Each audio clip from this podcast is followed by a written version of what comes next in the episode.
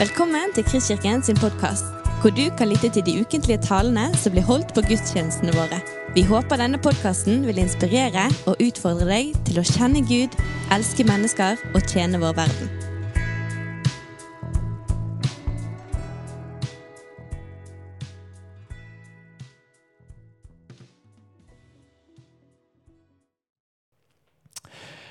Men i dag så har vi kommet til Markus kapittel 10.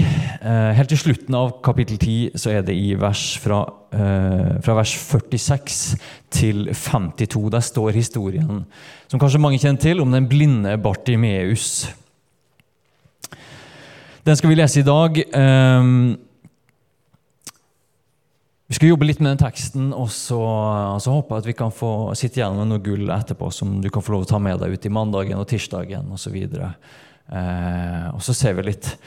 Men iallfall Markus 10, vers 46 til 52.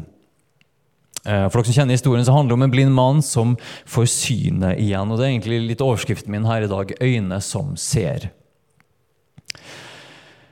Det er kanskje litt sånn stereotypisk da, som, som mann, jeg vet ikke helt, men, eh, men hjemme så, så, har jeg en sånn Jeg tror ikke jeg er alene, så har jeg en sånn evne til å ikke få med meg ting. Eh, og da Spesielt hvis eh, altså Det er mange ting i huset. Sånn, hvis Ragnhild har flytta på noe Ragnhild er min kone. Eh, så hvis du har flytta på noe eller gjort noe, så, så veldig ofte jeg ikke får med meg det. Men spesielt hvis du har gjort noe i hagen. Eh, Ragnhild hadde bursdag her på torsdag, og, og min sønn Jonathan hadde laget kort til Ragnhild i barnehagen. Der sto det 'Mamma, du er flink å grave i jorden'. Og det er sant. Men det er ikke bare sånn grave hull og så grave et nytt hull. Hun er veldig, veldig flink i hagen å, og lage det. Og, det, ja. Og det, ja. det er veldig mye, faktisk. altså Tenke hage. Det er noen sterke bilder der. Men uansett, Ragnhild er flink å grave i jorden, men jeg ser det ikke. Ragnhild har, har klipt og, og planta blomster og, og, gjort det kjempefint. Og så spør hun meg kanskje når vi står i vinduet, ser du noe annerledes. Det, det er, altså En av ti ganger så ser jeg det. Og Det syns jeg, synes jeg er litt dumt, for det er litt sånn, jeg har jo øyne, så jeg burde jo ha sett det. Men så har jeg kommet til det faktum at det at vi har øyne, betyr ikke nødvendigvis at vi ser. Så har kanskje du dine egne fallgruver på akkurat det samme. Men dagens eh, tekst Bartimeus, han, han, det var ikke bare at han ikke så eh, hagevekstene. skulle si. Han så ikke i det hele tatt en blind mann og en mye alvorligere situasjon. Eh, både for at han er fysisk blind, men også for at han lever i en tid hvor det ikke er noe velferdsstat. Hvis du er fysisk blind eller har en sånn fysisk handikap sånn som så er du egentlig redusert til total fattigdom. Du har ikke muligheten til å være dagarbeider. Og Jesus kommer til Jeriko, og, og, Jesus er på vei opp til Jerusalem. og Han kommer ut av Jeriko, og der kommer vi inn i dagens tekst. Kapittel 10, vers 46, så leser vi. De kom til Jeriko, og da Jesus dro ut av byen sammen med disiplene og en stor folkemengde, satt en blind mann ved veien og tigget. Han het Bartimeus, sønn av Timeus. Da han hørte at det var Jesus fra Nasaret som kom, satte han i å rope. Jesus, du Davids sønn, ha barmhjertighet med meg. Mange snakket strengt til ham og ba ham tie, men han ropte bare enda høyere. Du Davids sønn, ha barmhjertighet med meg.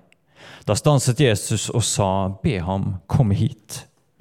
De ropte på den blinde og sa til ham, vær ved godt mot, reis deg, han kaller på deg. Mannen kastet kappen av seg, sprang opp og kom til Jesus. Hva vil du jeg skal gjøre for deg? spurte Jesus. Den blinde svarte, Rabuni, la meg få synet igjen. Da sa Jesus til ham, gå du, din tro har frelst deg.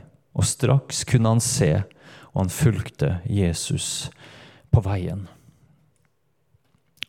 Sterk historie. Men som jeg sa, så er, Jesus og disiplene på vei eh, egentlig til Jerusalem. Og i de siste kapitlene så har, har det egentlig, fra da Markus begynte, til at Jesus holdt på i hjemtraktene og, og i Nord-Israel og Galilea, så har den delen veien nå egentlig dreier seg om at Jesus beveger seg derfra, fra hjemstedet, opp mot Jerusalem, til påskehøytiden og mot det som kommer, den, den, egentlig den store konfrontasjonen. Eh, både åndelig og, og, og rent fysisk. Men veien fra Jeriko Jeriko ligger like utenfor Jerusalem. og Den siste etappen for Her er det mange pilegrimsreisende som er ute og reiser, og de skal opp til Jerusalem på, på påskehøytiden. Og sånn sett så er det vil jeg tro, et ganske sånn strategisk sted å, å, å, tigge. Her kommer det mange fromme mennesker, mange pilegrimer. De er rett nesten ved mål, og, og sjansen for at de vil gi en almisse til en tigger eller til en som satt der, er kanskje stor. De skulle jo feire en høytid, de skulle sette fokus på fromhet. En annen interessant observasjon er at dette er den siste helbredelsen Jesus gjør før vi kommer inn i, uh, i påskehøytiden. Det står at Bartimeus sitter ved veikanten. Eh, trolig, Det står at når han kommer til Jesus, så kaster han kappen ifra seg. Trolig så har han, har han bredt kappen, kanskje det eneste han eier, ut foran seg, sånn at, at mennesker kaster penger, og, og så ligger det på kappen. Og bare noen videre observasjoner om teksten. Bartimeus oppfatter at det er Jesus som kommer. Hvis du, vært, hvis du kjenner Markusevangeliet eller for så vidt noen andre evangelier, eller vært med i, i taleserien her i Kristikken, så, så, har du kanskje oppfatta det at, at, at det her spørsmålet 'Hvem er Jesus?' det ligger liksom i bakgrunnen av teksten hele tiden. Spesielt i begynnelsen så handler det om 'Hvem er Jesus?' fra sånn kapittel 1 til, til kapittel 8. Nå i den seksjonen vi er i her, på en måte i, i akt to av Markusevangeliet, som, som avsluttes med denne historien her, så er det mer sånn ok, Men hvilken type Messias er Jesus? Er han den militære kongen som skal komme og drive ut romerne, eller er det noe annet? Bartimeus gjenkjenner på en måte Jesus. Han hører Hørselen hans er mest sannsynlig ganske god, siden de andre sansene, eller synssansene ikke fungerer. En annen, annen interessant observasjon er jo at Bartimeus møter motstand. Det er en stor folkemengde som følger Jesus, men når han blir bedt om å holde kjeft, så roper han bare enda høyere.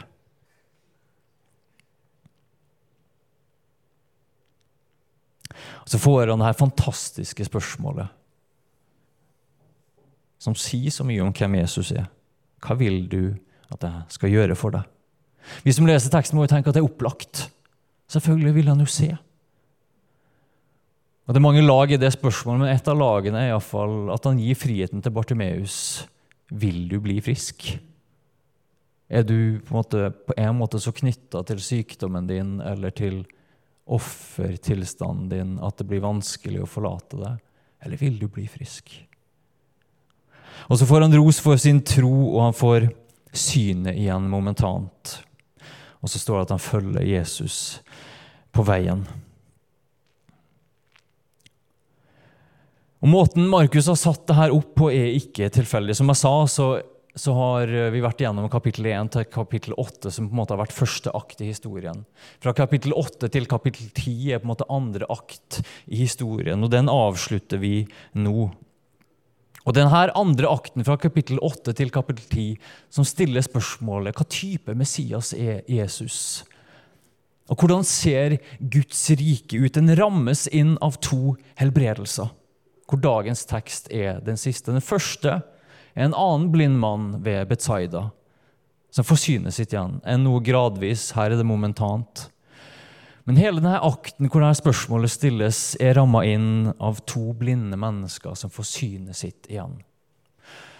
Og Nå har jeg ingen sans for dem som leser Bibelen og hele tiden reduserer det til et sånn symbolsk innhold. For vi tror at når det står at Jesus helbreder et menneske, så helbreder han faktisk fysisk et menneske. Og at når Jesus kom med gode nyheter, så var det gode nyheter som, som traff både ånd og sjel og kropp. Og Gud er opptatt også av vår kropp. Det skal vi invitere til, eller når vi avslutter i dag, skal vi også invitere til forbønn for dem som er syke. For vi tror at Gud vil helbrede fysisk. Men vi kommer ikke unna at det også er flere lag her, og Markus er ikke tilfeldig han rammer dagens tekst inn, i nei, inn i, i, i, med de her to helbredelsene om at det er folk som er blinde, som ser. Og Bakgrunnsmelodien er på en måte det her som Jesus sier i kapittel 8. Og han, han gjengir egentlig profeten Jesaja, så stiller han retorisk Dere har øyne, ser dere ikke? Dere har ører, hører dere ikke? Og Det interessante når vi følger det her, er jo at det, sånn, det går en sånn enormt paradoks igjennom evangeliet. Jeg håper at jeg ville fått med meg ting. Jeg håper jeg ville vært en av dem som så og en som hørte hvis jeg levde på den tiden og så Jesus, men jeg vet sannelig ikke. For skillelinjen går på så mange litt sånne smertefulle steder. Det er helt tydelig at de fattige ser og hører, og de rike gjør det ikke. Det er helt tydelig at de som bøyer seg ned og tjener andre, det er de som ser og hører, ikke dem som hersker. Det er helt tydelig at de som er syndere, tollere, horer, er de som ser og hører, og ikke de rettferdige. Det er de syke som ser og hører, og ikke de friske, og holder fast. Det er barna som ser og hører, og ikke de voksne. Jeg vet sannelig ikke om jeg hadde fått det med meg.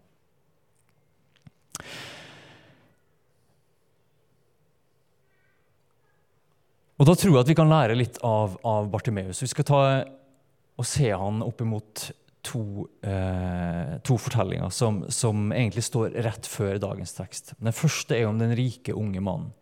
Frode Espedal eh, talte om akkurat denne teksten her eh, i sommer. Hør den prekenen. Flott preke, altså. Virkelig. Um, men det har en del likheter med dagens tekst. Vi skal ikke lese den, men den, den du, jeg skal gjengi den litt sånn hovedpunktene. Du kan lese den eh, hjemme hvis du vil, og, og, mange husker den sikkert. Men, men eh, rett før dagens tekst så møter Jesus en ung, rik mann. Og På samme måte som Bartimeus så kommer denne unge, rike mannen springende til Jesus. Han ønsker kontakt med Jesus, han ønsker å følge Jesus. Sånn sett kan du si at begge, både den rike unge mannen og Bartimeus, får et kall til å følge Jesus. Men som det ligger i navnet, den rike, unge mannen han er knytta til formuen sin. Og det viser seg at det blir det avgjørende. For han har holdt alle budene, sier han, eller påstår han iallfall. Um, men Jesus treffer han der det smerter som mest. Én ting har jeg som du må gjøre før du kan følge meg. Selg alt du eier, og kom så og følg meg. Og Da står det at den unge, rike mannen gikk bedrøva vekk, for han eide masse. Han var knytta til formuen sin på et sted som gjorde at han ikke kunne slippe den, eller eventuelt formuen ikke kunne slippe han. Bartimeus derimot, når han får tiltale fra Jesus, så står det han kaster av seg kappen. Kanskje den eneste eiendelen han har. Kanskje ligger det noen penger der også som han har samla inn. Han kaster det fra seg for å komme Jesus i møte. Den unge, rike mannen er på en måte på toppen av den sosiale og den økonomiske skalaen. Men han avviser et direkte kall fra Jesus. Han får spørsmålet, eller han får oppfordringen fra Jesus 'følg meg'.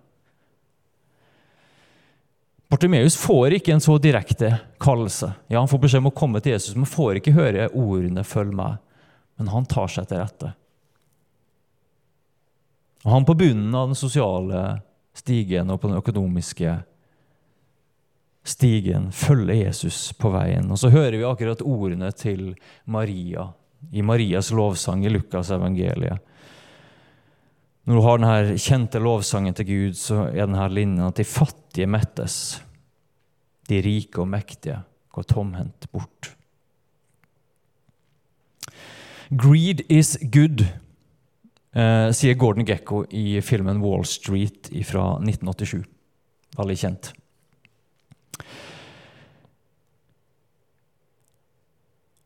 Det som er herlig med Gordon Gekko, er at han er ærlig. Han jobber på Wall Street og han sier greed is good. Grådighet er bra. Grådighet er godt. For det er det som holder hele spillet i gang, og det er det som gjør at han kan få mer og mer og mer. I motsetning til kanskje andre, så er han iallfall ærlig om det. Men jeg tror det Jesus prøver, å si til oss, og det som vi kan lære av Bartimeus og kontrasten mot den rike unge mannen, er at grådighet gjør blind. Grådighet er ikke bra. Grådighet gjør blind. Eller grådigheten er blind. Når Jesus snakker et annet sted om at vi kan ikke tjene både Gud og mammon, så har han denne litt kryptiske setningen at om øyet ditt er sykt, så er det fordi kroppen er fylt av mørke. Og Hvis kroppen og vårt hjerte er fylt av grådighet, så gjør det noen ting med synet vårt. Måten vi ser på oss sjøl, måten vi ser på våre medmennesker, måten vi ser på samfunnet vårt. Og bare for å smette inn den eh, Jeg tror heller vi ikke skal kimse av den klimadebatten. Som er, på mange måter er et uttrykk for en sånn systemisk grådighet.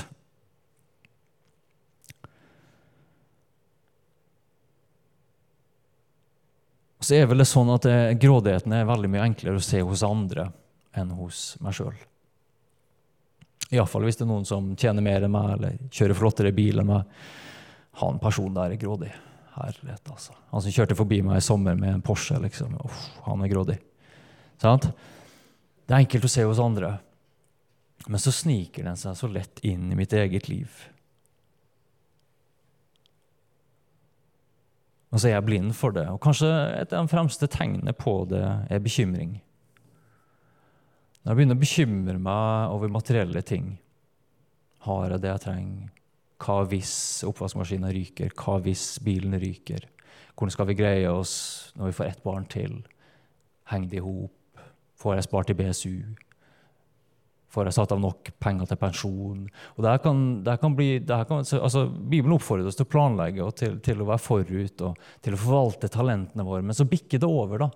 Det er Jesus snakker om at vi skal ikke bekymre oss over morgendagen. Og til og med ikke hva vi skal spise og hva vi skal drikke. Og Hvis bekymringen melder seg, så kanskje det er et tegn på at grådigheten har fått sneket seg inn og gjort det. Eller iallfall forsøke å gjøre deg blind. Eller svaksynt. For da snevres verdens, verden, verdenen vår inn. Og så dreier det seg om hva jeg kan få, og om endene våre skal møtes. Og så blir det også et bilde av Gud inne her, som jeg sa i sted, som er langt vekke, og som av og til slipper en slant ned. Men Bibelens gudsbilde er at Gud er her, og at det er i Han at vi rører oss og beveger oss og er til. Og til og med at om Gud skulle forsvinne herfra, så var det ikke noe som kunne eksistert. Vår livspust ville ha forsvunnet om ikke Gud var her.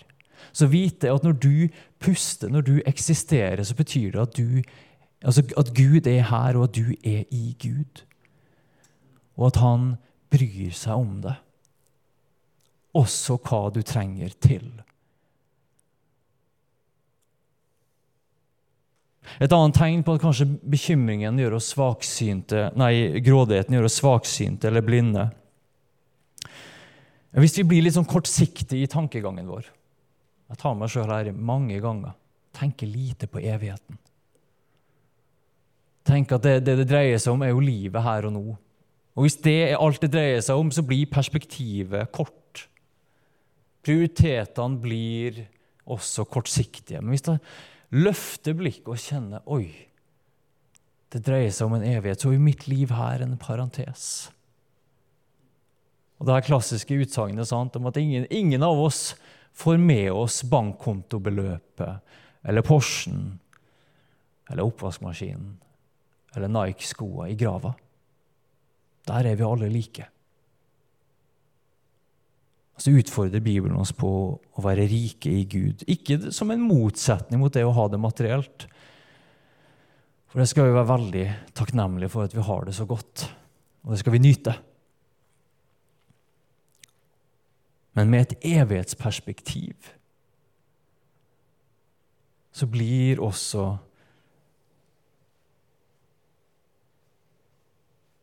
grådighetens grep svakere.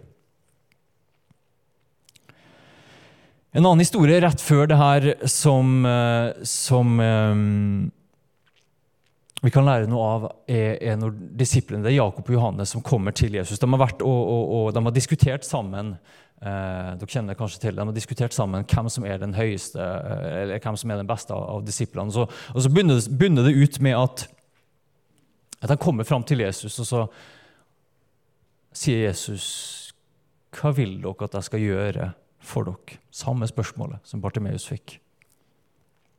De burde ha svart Jesus, 'Hjelp oss å se'. Men han svarer, 'La oss få sitte ved din høyre og venstre side når du kommer i ditt rike'. Altså Ergo de spør om status og privilegier. Bartimeus har skjønt mer. Jag etter status og privilegium gjør oss også blind.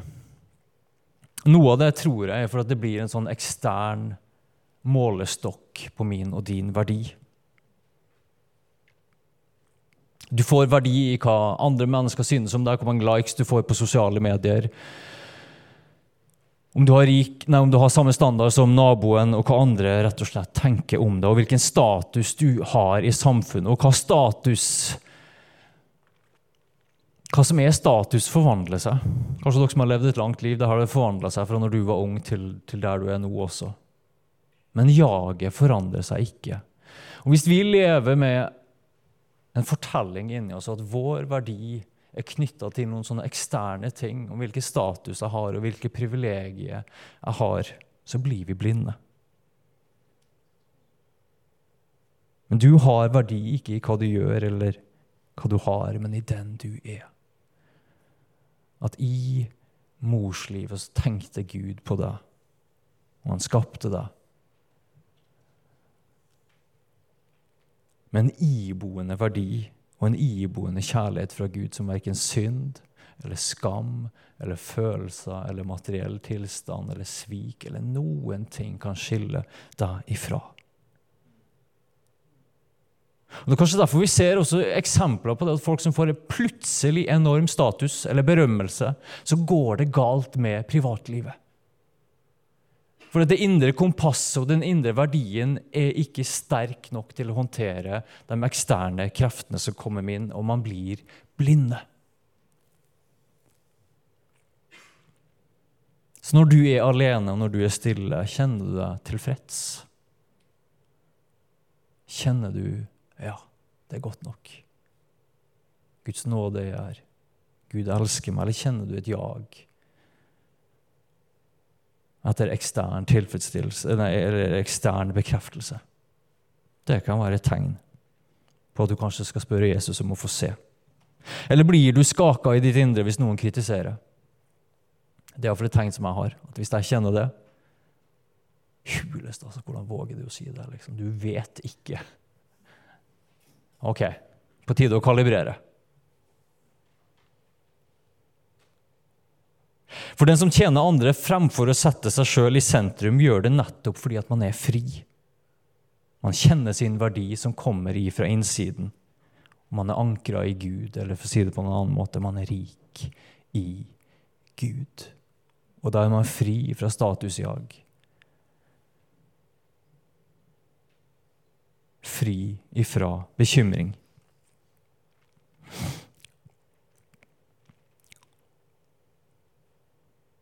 Og Når vi ser på Bartimeus, og nå skal vi gå inn for landing, så er på en måte han veldig klar over sin egen tilstand.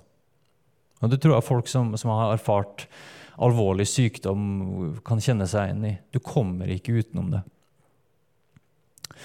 Men for andre hvor det her det å ikke se kanskje sitter på et mer emosjonelt plan, så må det av og til en erkjennelse til om at Jesus, jeg ser ikke. Hjelp meg å se. Kanskje må du også kaste fra deg noen ting når du skal opp og komme til Jesus, enten det er bekymring eller, eller kortsiktige prioriteringer. Kanskje må jeg og du av og til også presse oss gjennom en folkemengde av motstand.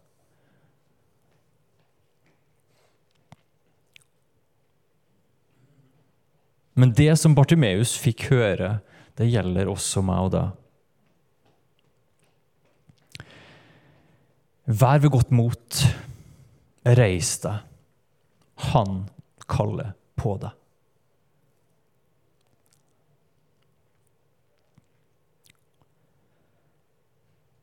Vær ved godt mot. Reis deg. Han kaller på deg.